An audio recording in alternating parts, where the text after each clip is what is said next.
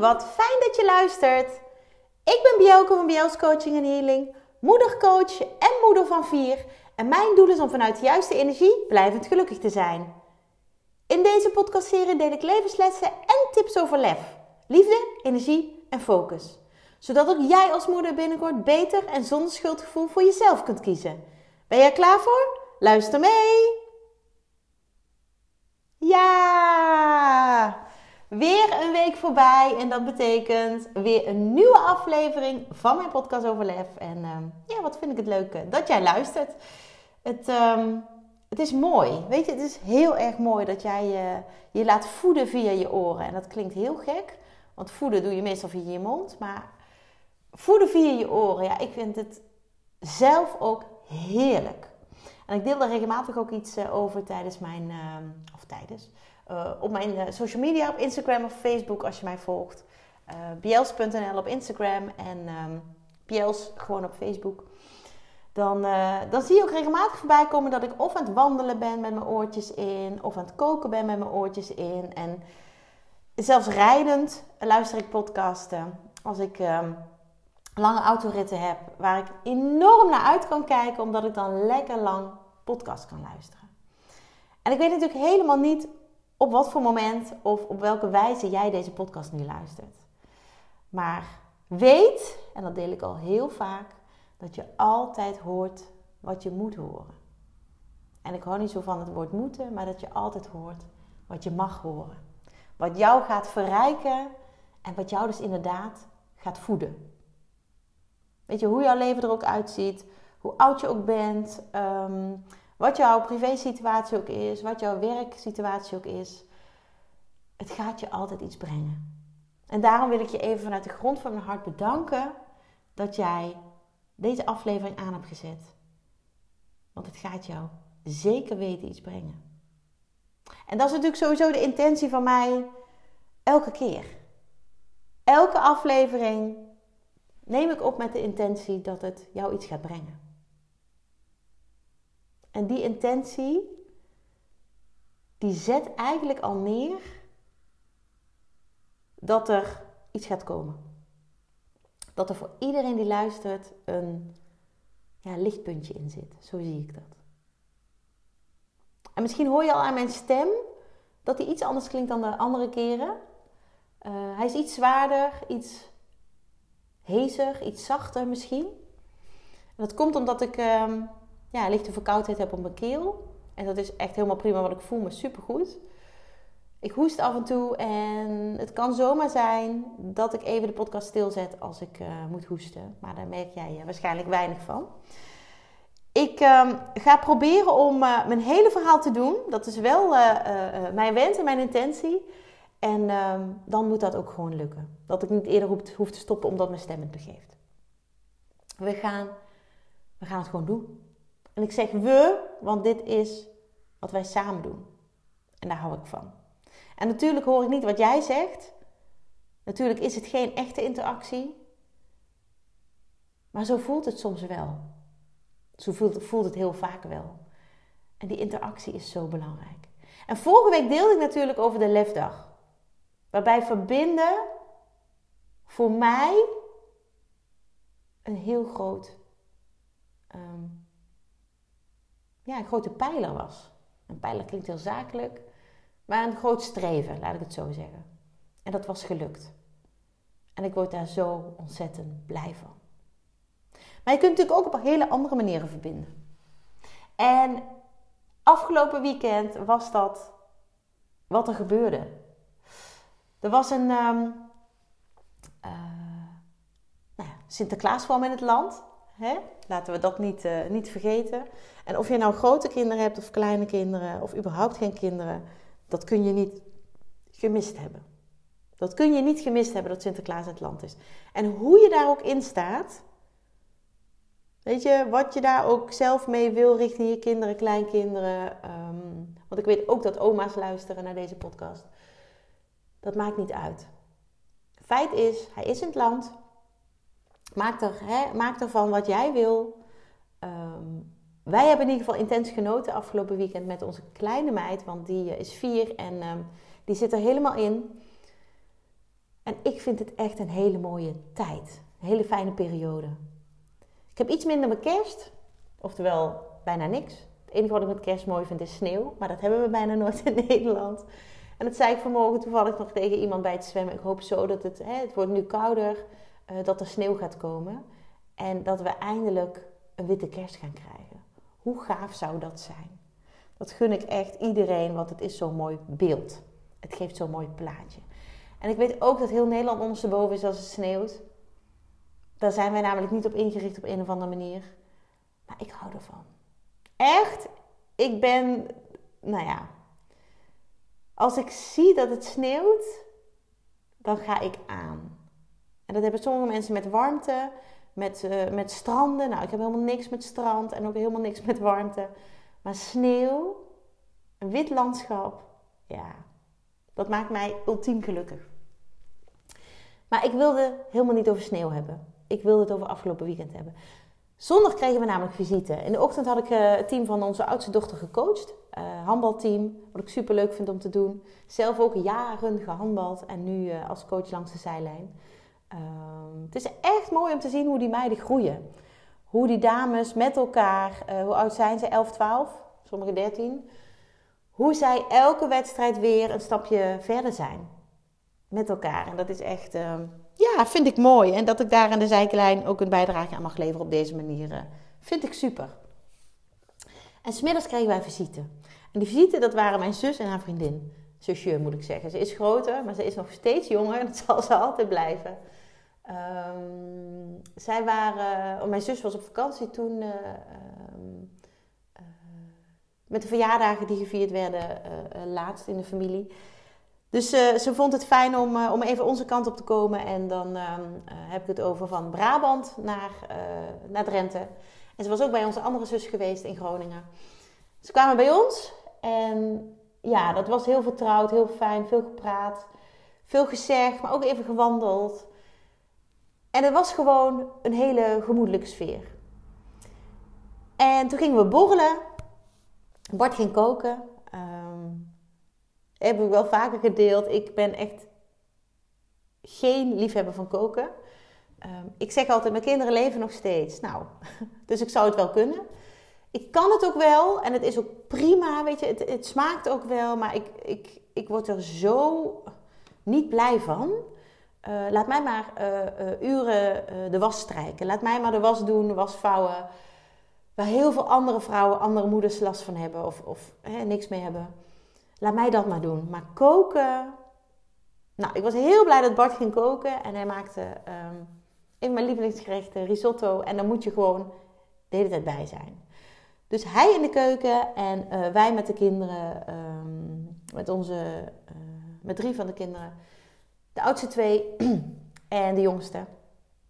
Um, ja, aan het borrelen, in gesprek. En toen waren de kinderen allemaal vragen aan het stellen aan mijn zusje en haar vriendin. En toen zei ik op een gegeven moment, joh, we hebben ook een vragenpot. Een vragenpot hebben we. We hebben ook twee uh, van die doosjes met vragen van Vertellis. Ik weet niet of je het kent, Vertellis. Heb ik ooit, eentje heb ik ooit gekregen, eentje heb ik volgens mij ooit zelf gekocht. Eentje is voor familie en de andere is voor relatie. Nou, dus uh, Loren, onze oudste, die, of oudste dochter, die pakte... Uh, het groene doosje, dat is uh, familie. En die heeft um, dat, ja, die ging voorlezen, die ging de vragen stellen. En nou ja, wat er gebeurde, het was, hè, onze oudste twee zijn nu 13 en 11. Ze wordt in februari 12, zit wel al op de middelbare school, omdat ze een klas heeft overgeslagen. En is gewoon wijs. De oudste twee, uh, het kleine meisje liep er gewoon tussendoor. Af en toe uh, kwam ze bij me zitten. maar was lekker zelf aan het spelen. En vragen werden gesteld. En er gingen heel veel vragen over um, het gezin. Familiegezin. En het was zo ontzettend mooi om de vragen te horen, te bedenken wat mijn eigen antwoord was. Maar vooral te horen wat de antwoorden van de kinderen waren. Want het waren vragen die ik ze nooit stel. Een voorbeeld. Waarvoor ben je je ouders dankbaar? Een hele, hele mooie vraag. Die echt heel diep gaat. En ze hadden gewoon allebei een antwoord. Nou, echt, ik had de tranen in mijn ogen van dankbaarheid voor de antwoorden die ze gaven.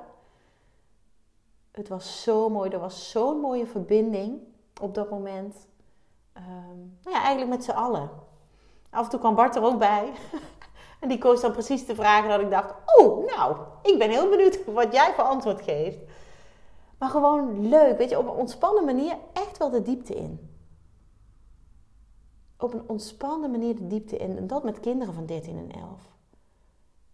Wauw. Ja, mijn hart liep over van liefde, maar ook van trots. En, en dat ik het heel erg knap vond hoe open ze waren. En de vriendin van mijn zusje zei ook: Jeetje, wat doen jullie dat knap? En toen dacht ik: Weet je, dit moeten we eigenlijk gewoon vaker doen. En dat deed me denken aan een, ehm, iets wat een manager van mij bij de Rabobank, waar ik 14 jaar gewerkt heb, uh, een keer deed.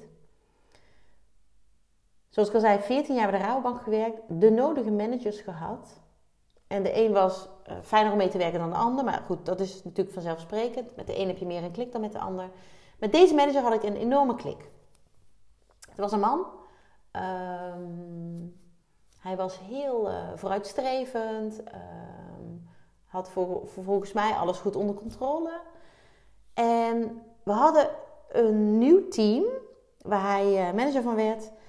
En dat team dat liep niet zo lekker. Tenminste, dat was, um, uh, ja, dat was een beetje het, het, het gevoel wat er heerste.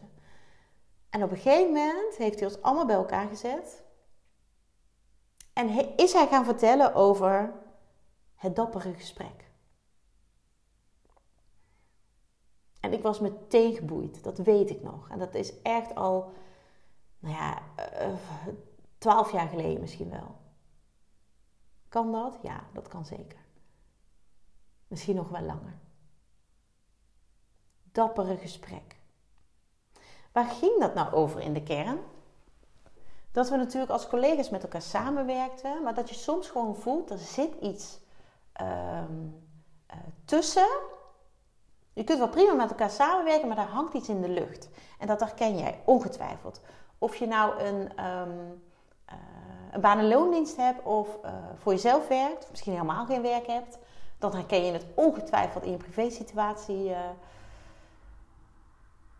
Dat je wel voelt dat er iets zit, wat eigenlijk ongemakkelijk is, maar waar geen van beiden, dan heb ik het even over een, een, een spanning tussen twee, um, geen van beiden, en ik noem het dan het lef heeft om daarover te beginnen, om dat te benoemen. Om dat echt letterlijk op tafel te leggen. Dat zeggen ze zo mooi. En mijn manager stimuleerde ons om het dappere gesprek aan te gaan met elkaar. Nou, voor mij totaal geen probleem. Want ik uitte me wel op die manier. Maar er waren ook collega's die daar ontzettend veel moeite mee hadden. En daarmee zeg ik niet dat is slecht of fout. Maar er werd heel wat afgeworsteld toen. Maar juist door het te benoemen, door het ook een naam te geven, hè, dappere gesprek, wat al aangeeft van joh, wat knap dat je dat doet, heeft dat voor heel veel mensen wel de drempel verlaagd. En ik kan je zeggen dat de, de sfeer daarna in het team vele malen beter was. Vele, er was zoveel gebeurd. En hebben ook echt wel tranen gevloeid. Um, en, en, en ik geloof dat nog steeds niet iedereen het achter van zijn tong heeft laten zien bij die gesprekken. Want er zit altijd een soort van uh, veilige marge bij heel veel mensen. Oké, weet je, tot hier en niet verder, dat is prima. Ik ga altijd all the way. Weet je, what you see is what you get. Ik ben thuis net zoals als toen bij de Rouwbank. Uh, als dat ik uh, in mijn coachsessies ben, als dat ik langs het voetbalveld ben, als dat ik als coach bij de handbal sta. Ik ben altijd hetzelfde en ik weet dat dat niet voor iedereen geldt. Maar door ehm, het als manager te benoemen, wat hij heel goed deed, echt credits voor hem, gooide hij wel iets open. Verlaagde hij letterlijk die drempel voor mensen. En dat was wat sommige mensen echt wel even nodig hadden. Ik heb volgens mij twee gesprekken gevoerd toen. Ehm, en dat was redelijk eenvoudig, omdat er niet heel veel in de lucht hing, maar wel iets wat, nou ja, wat niet groter hoefde te worden voor mij. Ehm, maar er zijn ook echt mensen ehm, ja, geopend. Ik, ja, laat ik het zo maar even zeggen. Geopend.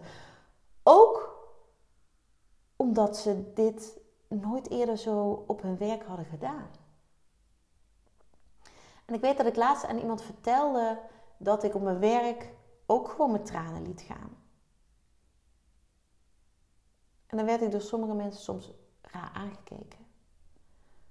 Maar ik dacht, joh, als het mij raakt, dan laat ik dat gewoon zien. En ik had ook wel eens tranen van blijdschap. Van, van het lachen. Of van trots dat we het met het team zo gedaan hadden. Nou was niet dat het over mijn wangen stroomde, maar gewoon tranen in mijn ogen. En ik zag dat altijd als iets moois. En ik weet dat ik daarmee anders was dan de anderen. Maar ik heb me daarmee nooit ingehouden.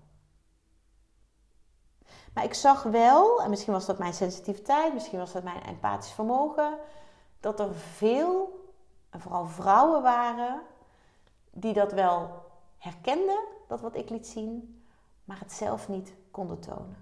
Dat ze zichzelf daarin blokkeerden. En dat is ieder voor zich natuurlijk.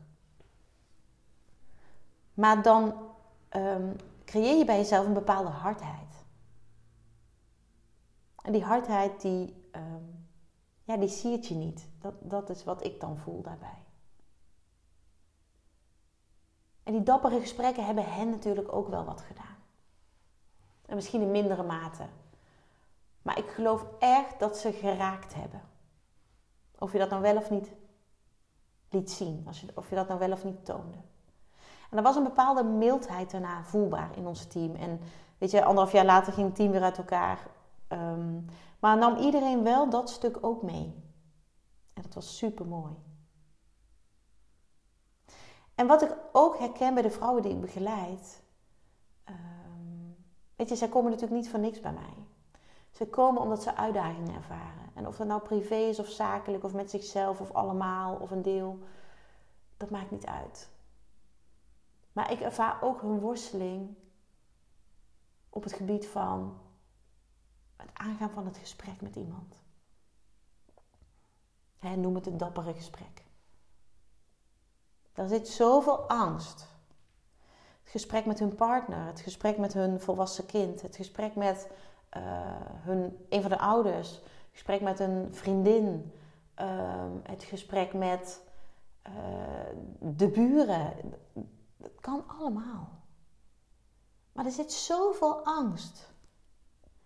En wat ik dan vaak, uh, de vraag die ik dan vaak stel, is: maar waar ben je bang voor?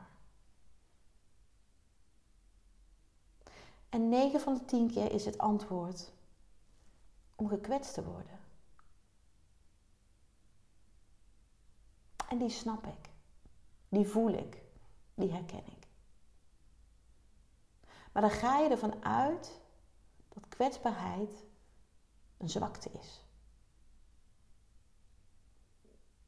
Alleen als jij voelt dat er iets niet lekker zit in een relatie, dat jij daarop vastloopt, dat jij daar misschien wel stress van ervaart, dat jij er misschien wel slecht door slaapt, uh, dat jij er misschien um, hè, slechte gewoonten uh, uh, van krijgt, of dat die weer omhoog komen.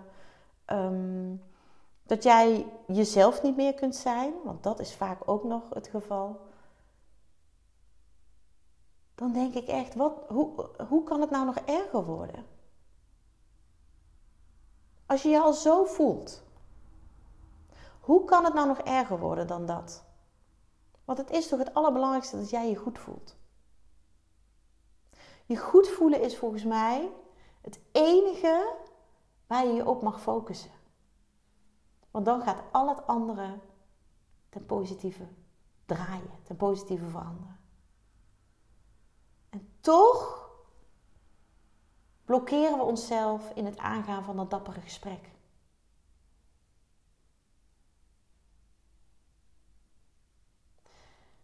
En dan denk ik altijd, dus die ellende die je nu ervaart, hè, en voor iedereen is dat, uh, is dat anders, maar het voelt niet fijn, anders zoek je geen hulp. Die heb je liever dan dat je een gesprek aangaat, een dapper gesprek aangaat, dat, er, uh, dat de lucht eventueel geklaard wordt, dat er helderheid komt, dat er duidelijkheid komt voor beide partijen en dat je elkaar weer kunt vinden, want dat is het risico. Dat je elkaar wel weer kunt vinden. En als ik dat zo hè, heel zwart-wit um, uitleg, dan kijken ze me aan: nee, natuurlijk wil ik dat niet liever. Natuurlijk wil ik dat het goed gaat, maar dan moet er toch iets gebeuren. Dan moet er iets gebeuren. En en vaak zijn we ook nog in de afwachtende houding. Ja, maar hij, ja, maar zij. Lieve schat. En dan spreek ik eventjes tot jou. Waarom zou jij zelf dat initiatief niet nemen? Waarom zou jij niet zelf die eerste stap zetten voor dat dappere gesprek? Waarom zou je dat zelf niet aangaan? Want jij hebt er last van. En die ander waarschijnlijk ook, maar dat weet je niet. En jij bent verantwoordelijk voor jezelf. En neem dan ook die verantwoordelijkheid. Zet die stap.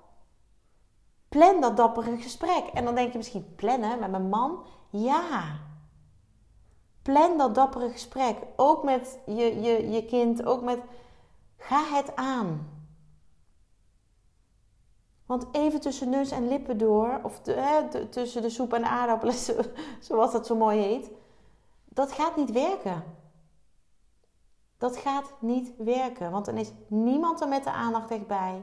Maar als je het inplant en je geeft aan, joh, ik zou heel graag even iets met je willen bespreken, dan heb je natuurlijk een heel ander, um, andere basis, een andere start. En dat geeft ook aan die ander alvast aan van joh, we gaan, we gaan iets bespreken, we gaan de diepte in. En misschien wil je wel alvast van tevoren delen waar het over gaat. Zodat die andere zich ook kan voorbereiden. Want jij bent ook voorbereid, omdat je hier al mee bezig bent. En het is zo fijn, en dat zeg ik uit ervaring, uit zoveel ervaring. Zo fijn om de lucht te klaren om echt een dappere gesprek aan te gaan, om alles op tafel te gooien, uh, om ook hè, te geven en te nemen. Want jij geeft dingen en, en, en je gaat dingen ontvangen. En dat ontvangen is niet altijd even leuk, want het is ook een grote spiegel die je krijgt. Maar je spiegelt elkaar. En als jij met de intentie erin gaat, van ik wil onze relatie uh, een boost geven, ik wil dit vanuit liefde doen, dan ga je zo'n mooi, dapper gesprek tegemoet. En dan ga je misschien nog veel meer uh, uh, leren, veel nieuwe dingen leren over die ander. Terwijl je misschien al honderd jaar bij elkaar bent. Maar mensen, er gebeurt van alles, we veranderen mee. Um, uh, hè, er komen oude stukken omhoog oude trauma's waar je misschien helemaal niet van weet, waardoor iemand op een bepaalde manier doet, waardoor iemand op een bepaalde manier reageert, waardoor iemand dichtklapt. En hoe mooi is het als jij het gesprek opent vanuit liefde, Want als jij die relatie niet belangrijk zou vinden, zou, het niet zo, zou je er niet zo last van hebben. Dus het dappere gesprek is zo ontzettend waardevol. Maar je moet er wel lef voor hebben. Zo'n dapper gesprek aangaan is nogal wat. Maar als jij deze podcast luistert, als jij deze aflevering nu luistert, dan weet jij dat je het lef hebt. Dan weet je dat je het lef hebt om dat te doen. En ik weet dat jij het lef hebt om dat te doen. En je mag het gaan doen. Want mijn vraag, en daarmee wil ik deze aflevering gaan beëindigen, is, waarschijnlijk weet je het antwoord al, met wie mag jij komende week, ergens komende weken, het dappere gesprek aangaan? Zodat er een bepaalde onrust in jou, een bepaalde weerstand in jou, een bepaalde onzekerheid in jou losgelaten kan worden.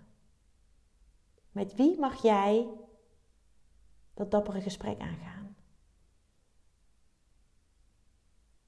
En voel ook dat je het kunt. Stel jezelf de vraag: wat is het ergste wat er kan gebeuren? Want bij die ander zit ook dit gevoel. Misschien op een andere manier, maar er zit ook een wrijving. En hoe fijn is het als het op tafel gelegd wordt, als jullie allebei opgelucht weer uit het gesprek weggaan. Misschien met een dikke knuffel, misschien met hey, we vinden elkaar weer, of we gaan het proberen, of we gaan het anders doen en dit en dit en dit. En word concreet. Oh, dat is misschien nog even goed om toe te voegen. Word concreet. Want je wil natuurlijk niet dat je over twee maanden weer op dit, moment, op dit punt zit. En weer zo'n moment moet plannen. Dus wat ga je allebei anders doen? En kijk vooral ook naar jezelf. Hè? Wat kan ik hierin anders doen om te voorkomen dat dit zo gebeurt?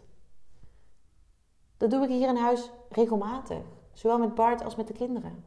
Hoe kunnen we ervoor zorgen dat dit niet meer weer zo gebeurt? En dan toon je lef. Dan zorg je ervoor dat je de ander en jezelf vanuit respect een nieuwe kans geeft. En dat is zo ontzettend waardevol. Dat mag je jezelf geven. Dus mijn vraag, en je mag het met me delen als je dat fijn vindt. Ik wil het heel graag van je weten. Met wie mag jij een dappere gesprek aangaan? Super. Dankjewel voor het luisteren. Dagelijks inspireer ik honderden moeders om met lef te leven. Dit doe ik niet alleen via deze podcast. Je kunt je ook gratis aanmelden voor de Club van Moeders met Lef.